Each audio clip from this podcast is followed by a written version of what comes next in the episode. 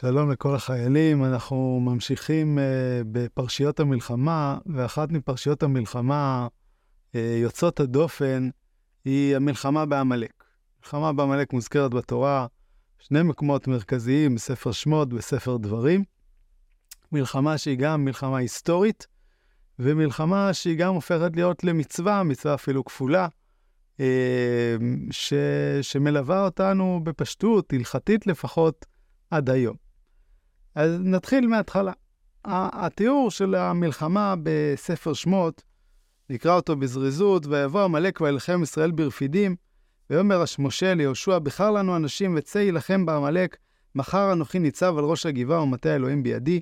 ויעש יהושע כאשר אמר לו משה להילחם בעמלק, ומשה אהרון וחור עלו ראש הגבעה.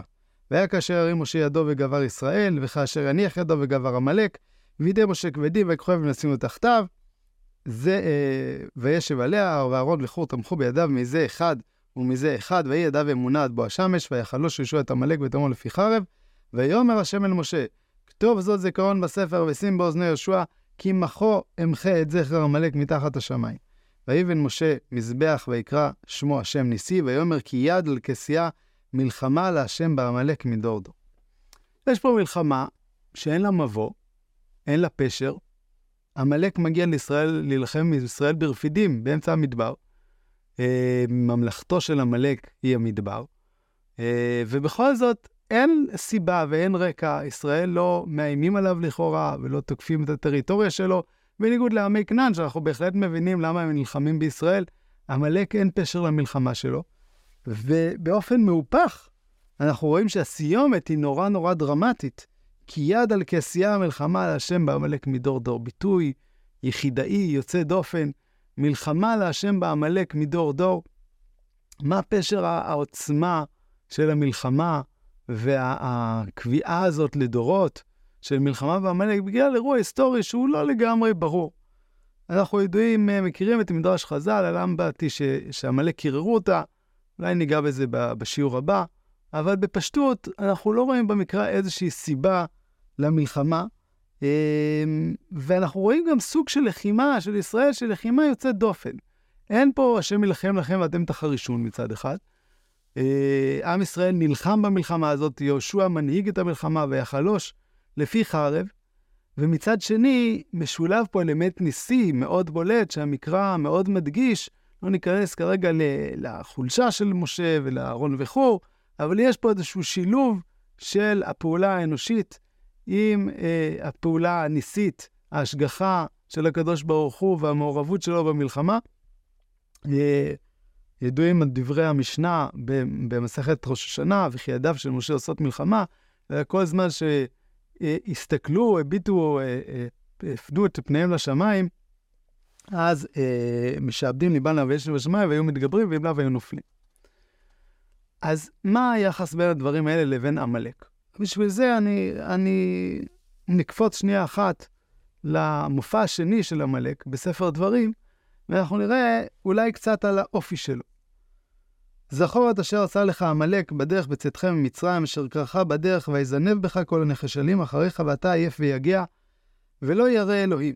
והיה בהניח השם אלוקיך לך מכל אויביך מסביב, בארץ אשר השם אלוקיך נותן לך נחלה לרשתה, תמחה את זכר עמלק מתחת השמיים, לא תשכח. עוד פעם, לא תשכח, זיכרון עולם למלחמה. אבל פה אנחנו יכולים לשמוע קצת יותר על האופי של עמלק. במה עמלק נלחם, מה מאפיין את הלחימה שלו, ויזנב בך כל הנחשלים אחריך. עמלק נלחם בחלשים, נלחם באלה שנשרכים מאחור, נלחם באנשים העייפים והיגעים, הצמאים והעייפים, בלשוננו. וברור שמלחמה בנחשלים היא לא מלחמה שמכריעה עם. זה שאתה פוגע בזקנים, או בילדים, או בנשים שלא היה להם אפשרות להילחם, זה לא מה שיכניע לא את הסיירות, ולא את הקומנדו, ולא את הצבא. יש פה איזושהי מלחמה שהיא לא מלחמה מראש שנועדה להכריע, אלא להתקיים על חשבון הזנב, להתקיים על חשבון החלשים. וזה דבר שמאפיין דפוס פעולה קבוע ביחס לעמלק. דוגמה מובהקת לזה, במלחמת עמלק בדוד בציקלג. דוד אה, יוצא את מקומו למלחמה, ויהי בבוא דוד, וכשהוא חוזר מהמלחמה, ויהי בבוא דוד ואנשיו ציקלג, העמלקי פשטו אל נגב, ויכו את ציקלג וישרפו אותה. ואת מי הם לוקחים? שוב, וישבו את הנשים אשר באה מקטון ועד גדול, לא המיתו איש, וינהגו וילכו לדרכם. והנה הם נטושים, על, וירדו, והנה הם נטושים על פני כל הארץ, אוכלים ושותים, וחוגגים בכל השלל הגדול אשר לקחו מארץ פלישתים. ויקם דוד מהנשף עד הערב. לא בכדי זה אולי מזכיר לנו את הימים האלה שאנחנו נמצאים בהם. אויב שהולך בשביל להכות, בשביל לבזוז. הוא חוגג את הביזה, הוא חוגג את השלב, אוכל ושותה ושמח בזה שהוא לקח נשים, בזה שהוא לקח ילדים, בזה שהוא לקח את כל חסרי הישע, שאין להם אפשרות להילחם בזמן שדוד ואנשיו לא נמצאים במחנה. שמעתי פעם בשם הרב מדן, שסמוך לזה יש לנו את סיפור הנער העמלקי שחוזר עם כתרו של שאול, ודוד שופט אותו למיתה, אתה העמדת את משיח השם. ואומר הרב מדן, איך דוד ידע?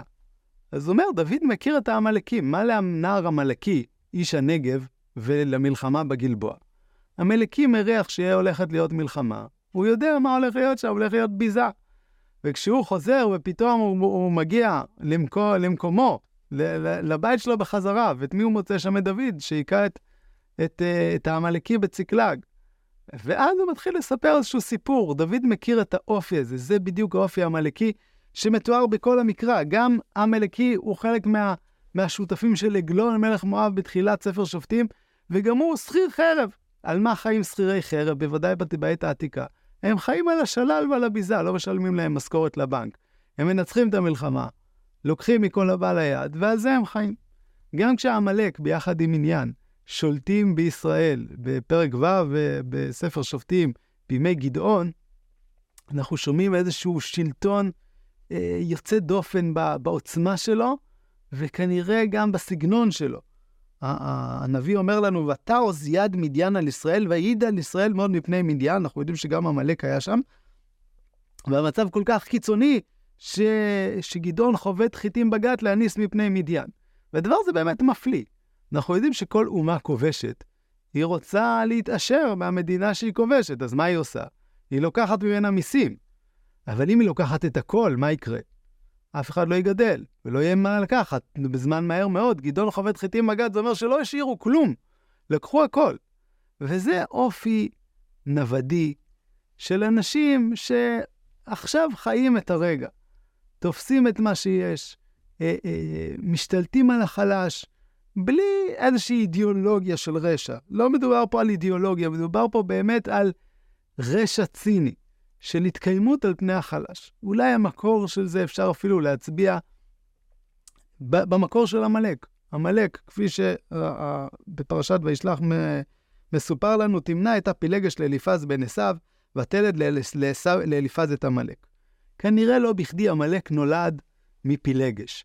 עמלק הוא חסר זהות, הוא חסר בית. הוא גם ממזר והוא גם עבד. עבדה בהפקר הניחלה. אין לו זהות. הוא, הוא באמת עושה, משתמש בטבע ובכוחות שלו כדי להכניע את מי שהוא יכול להכניע.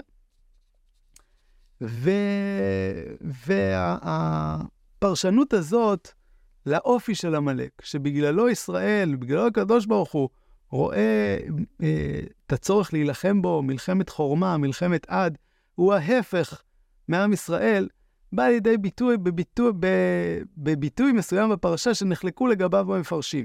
קראנו, ואתה עייף ויגע ולא ירא אלוהים, והתלבטו מפרשים, מי עייף ויגע ולא ירא אלוהים? בפשט, לא ירא אלוקים, זה עם ישראל, שהוא עייף, והוא גם יגע, והוא גם חווה איזושהי נפילה רוחנית, ובגלל זה עמלק באים. רפידים שרפו ידיהם מן התורה. העניין הוא שבמקרא אין רמז לזה שעם ישראל בזמן הזה דווקא לא היה, לא היה ירא אלוהים. ונחמה ליבוביץ' רוצה לתמוך את הפירוש האלטרנטיבי ש, שנקטו חלק מהפרשנים, שלא ירא אלוהים, הכוונה דווקא לעמלק. מה הביטוי לא ירא אלוהים מבטא? לא ירא אלוהים זה אומר שכל המופעים של ירא אלוהים לשבח או לגנאי, במקרא, אני חושב שיש ארבעה כאלה, ביחס לגוי, כולם קשורים ליחס אל המיעוט, ליחס אל החלש. אומר אברהם לאבימלך, רק אמרתי, אין יראת אל- אלוהים במקום הזה, והרגוני על דבר אשתי. אדם שהוא לא ירא אלוהים, שאין אלוהים בחייו, שאין אלוהים באמונתו, הוא אדם שכל האפשרויות פתוחות. הרשע הוא אפשרי, הוא אופציה. הכוח הוא האופציה הראשונה. הוא אדם שחי את הטבע בצורה הכי פראית שלו. הטבע הוא עיוור. בטבע החזק שולט בחלש בלי לתת לו דין וחשבון. אדם שהוא ירא אלוהים הוא אדם שמתייחס אל החלש בכבוד, כי הוא יודע שהסיפור הוא יותר גדול מאשר עצם הקיום שלו. אם עצם הקיום הוא העניין, אז החלש הוא הקורבן הכי נוח. אבל אם יראת אלוקים היא הסיפור, אז אתה צריך לתת דין וחשבון. אז לא רק במובן שאתה תיענש על זה, אלא שיש פה איזשהו משהו גדול שצריך להתיישר אליו, וזה דבר שמאפיין את עם ישראל לאורך כל הדורות. אנחנו רואים שגם בפרשת שופטים, שם יש הרבה ציוויים שקשורים לבן אדם לחברו, המוטיב החוזר הוא מוטיב של יראת אלוקים. אתן אולי שתיים או שלוש דוגמאות, לא תקלל חירש ולפני עבר לא תיתן מכשול. החלשים, העיוורים, ויראת מאלוהיך אני השם. מפני שיבה תקום והדרת פני זקן, ויראת מאלוהיך אני השם. לא תונו אשת עמיתו, ויראת מאלוהיך. וככה המוטיב הזה הולך ושוזר את ספר, אה, אה, את פרשת קדושים. עמלק חיים בתודעה של טבע בלי אלוקים. ועם ישראל חי את הטבע, אבל עם אלוקים בתוכו. אני אסיים בדברים של, של הרב קוק. הרב קוק בקובץ ו' כותב, עמלק מחזיק בהטבע, בעיקר בעבור אהבתו להרע שנמצא גבול בשמרי הטבע, והוא קשור בו, ואינו יכול לסבול ניסים בעולם. לעומת זה, ישראל יצר השם להבקיע חומת הטבע, ומציאות הניסים עשו חלונות בהטבע. ולעתיד לבוא יהיה הטבע סותם כלל בפני, לא יהיה הטבע סותם כלל בפני האור האלוהי. עם ישראל, ואולי זה בא לידי ביטוי במלחמה בעמלק, באופי המלחמה, הוא חי את הטבע, אבל הוא יודע שיש סיפור שהוא גדול מהטבע. הוא נלחם ויחלוש יהושע לפי חרב, אבל רק אם משעבדים ליבם לאביהם שבשמיים. עמלק לא סובל ניסים. ניסים מראים שיש משהו שהוא, שהוא מעבר לטבע, מעבר לעיגולים, יש איזשהו קו שפורץ. ועמלק חיים את הטבע ואת הכוחניות שלו, את איתנותו, אבל גם את עיוורונו. וישראל הביאו לעולם את המוסר, והתורה הורידה שנאה לישראל בעולם. למה שנאה? כי ישראל מביאים את המוסר, מביאים איזשהו סיפור גדול יותר, שמכריח את כל העולם להתיישר אל הטוב ואל הערכים שהתורה אה, מכוונת אליהם.